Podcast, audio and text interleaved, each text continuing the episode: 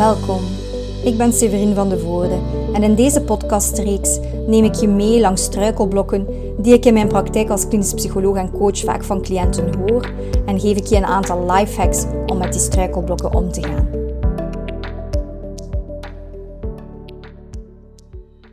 Heb jij ook last van een partner die snurkt of andere geluiden of bewegingen maakt s'nachts? Dat kan uiteraard een groot probleem zijn, want dan ben je s'morgens uh, niet uitgerust en reageer je prikkelbaar ten opzichte van je partner. Of je enerveert je enorm uh, s'nachts, je frustreert je en dat veroorzaakt heel wat stress.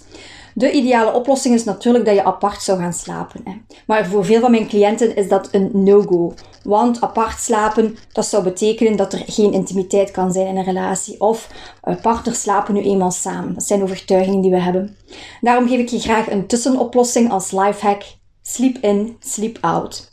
Je start de nacht samen in bed, maar op het moment dat jouw partner begint te snurken, verhuis je naar een andere plek in huis waar je op je gemak kan doorslapen. Je zet je wekker een uur voordat je eigenlijk moet opstaan en dan kruip je terug bij je partner in bed en kan je nog een uurtje samen snoezen. Je start en eindigt de nacht dus samen. Sleep in, sleep out.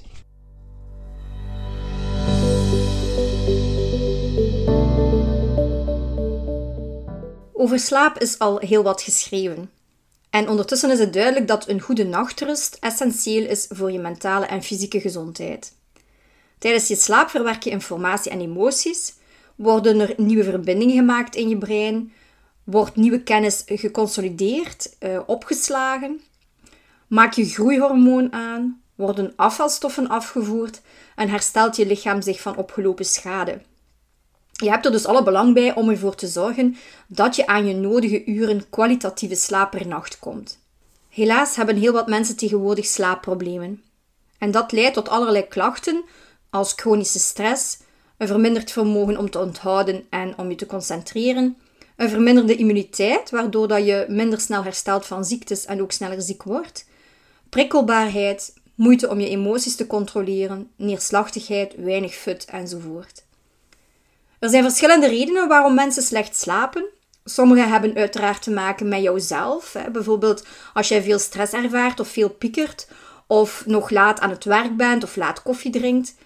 Maar het is ook mogelijk dat jij zelf wel goed slaapt, dus dat je wel een goede slaper bent van, van, van, van jezelf, maar dat het jouw omgeving is die ervoor zorgt dat je wakker wordt. Bijvoorbeeld omdat het niet donker genoeg is of dat er veel lawaai is, maar dus ook een partner die snurkt of die veel uh, beweegt in bed. En de meest logische oplossing is uiteraard dat je deze storende omgevingsfactoren wegneemt. Als je partner snurkt of luid ademt, kan je proberen uh, of oordoppen voor jou een oplossing zijn. Veel van mijn cliënten zijn daar al enorm mee geholpen. Ik draag zelf ook altijd oordoppen s'nachts. Als je partner veel beweegt, dan kan het helpen om uh, aparte matrassen te nemen. Dus um, één, bed, maar met twee aparte matrassen, twee aparte boxsprings bijvoorbeeld. En ook aparte dekens te nemen. Je zal dan merken dat je veel minder last ondervindt van de bewegingen van jouw partner.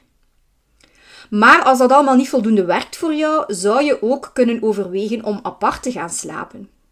Ofwel in een apart bed in dezelfde kamer, of zelfs in een andere kamer. Maar voor heel veel van mijn cliënten is dat een no-go. Dat heeft te maken met de onderliggende overtuigingen die wij vanuit de maatschappij hebben meegekregen.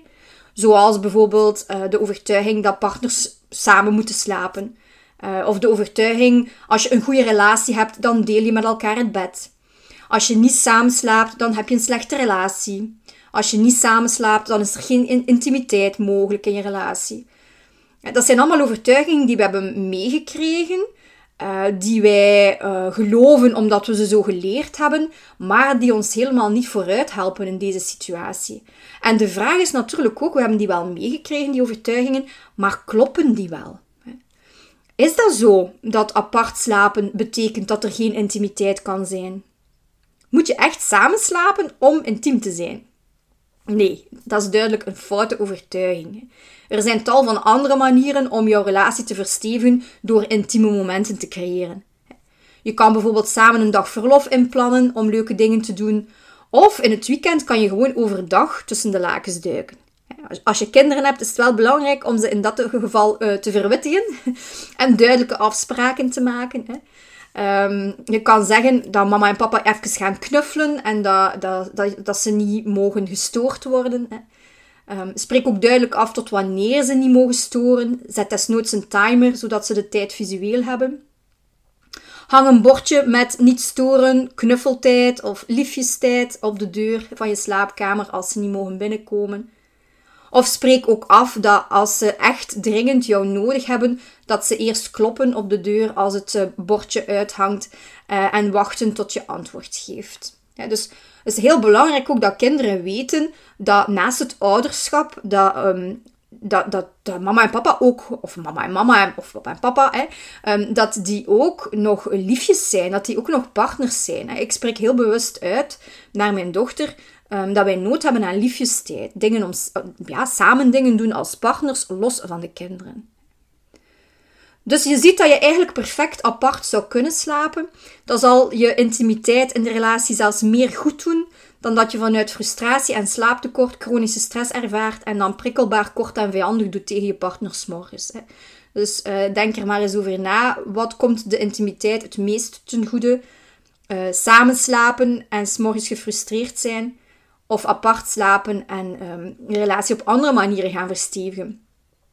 Het is heel belangrijk om daarin met elkaar te communiceren. Hè? Om, daarin een open, eerlijk gesprek met elkaar te hebben. Hè? Waar ervaar je last van? Waarom heb je daar last van? Wat zijn mogelijke oplossingen? Wat zijn voor- en nadelen van alle verschillende oplossingen? Het is echt belangrijk om een compromis te zoeken in jullie behoeften. Check zeker of jouw partner akkoord is met de oplossing die jij kiest, want het is niet omdat hij of zij er niets over zegt dat hij het oké vindt. Hè. Het kan zijn um, dat jij bijvoorbeeld beslist hebt om apart te gaan slapen en jouw partner zegt daar niks over, maar dan plots tijdens een ruzie komt dat wel naar boven, dat hij daar een probleem vindt. Hè. Um, of die ziet dat inderdaad als een gebrek aan intimiteit, heeft ook wel die overtuiging. Hè. Dus het is heel belangrijk dat je, je je verwachtingen naar elkaar daarover uitspreekt en dan een creatieve oplossing zoekt waar jullie beiden kunnen achterstaan. En een van die creatieve oplossingen, die een heel mooi compromis kan zijn, is de sleep-in, sleep-out.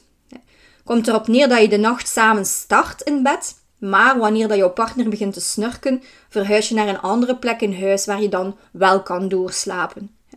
Zorg er wel voor dat die ruimte waar je dan naartoe gaat, dat die even kwalitatief is als de gemeenschappelijke slaapkamer, bijvoorbeeld op vlak van temperatuur, licht, de kwaliteit van je bed enzovoort. Dus je gaat dan um, in een aparte kamer gaan liggen. En wat je doet is, je, zet je wekker een half uur of een uur vroeger dan dat je werkelijk moet opstaan. En dan op dat moment kruip je terug in bed bij je partner, dicht tegen elkaar aan, of hand in hand, of voeten verstrengeld, maakt niet uit. Hè. Um, want naast een goede nachtrust is ook lichaamscontact natuurlijk een heel belangrijke behoefte. En uh, onderzoek wijst uit dat koppels die voldoende lichaamscontact hebben veel gelukkiger zijn in hun relatie. Dus zeker misschien een aanrader. En je kan dus het laatste stuk van de nacht gewoon dicht tegen elkaar aan samen nog wat snoezen. Of je kan dat moment gebruiken om te zoenen, te knuffelen, te spelen of te vrijen. Ik hoor van heel veel, heel veel van mijn cliënten in mijn praktijk dat deze lifehack een echte relatiesaver is. Minder stress, een betere nachtrust en een intensere relatie zijn de leuke gevolgen daarvan. Dat kan uiteraard alleen maar een positieve spiraal in gang steken. Zeker de moeite waard is om eens uit te testen of dat voor jou en uh, jouw partner ook kan werken.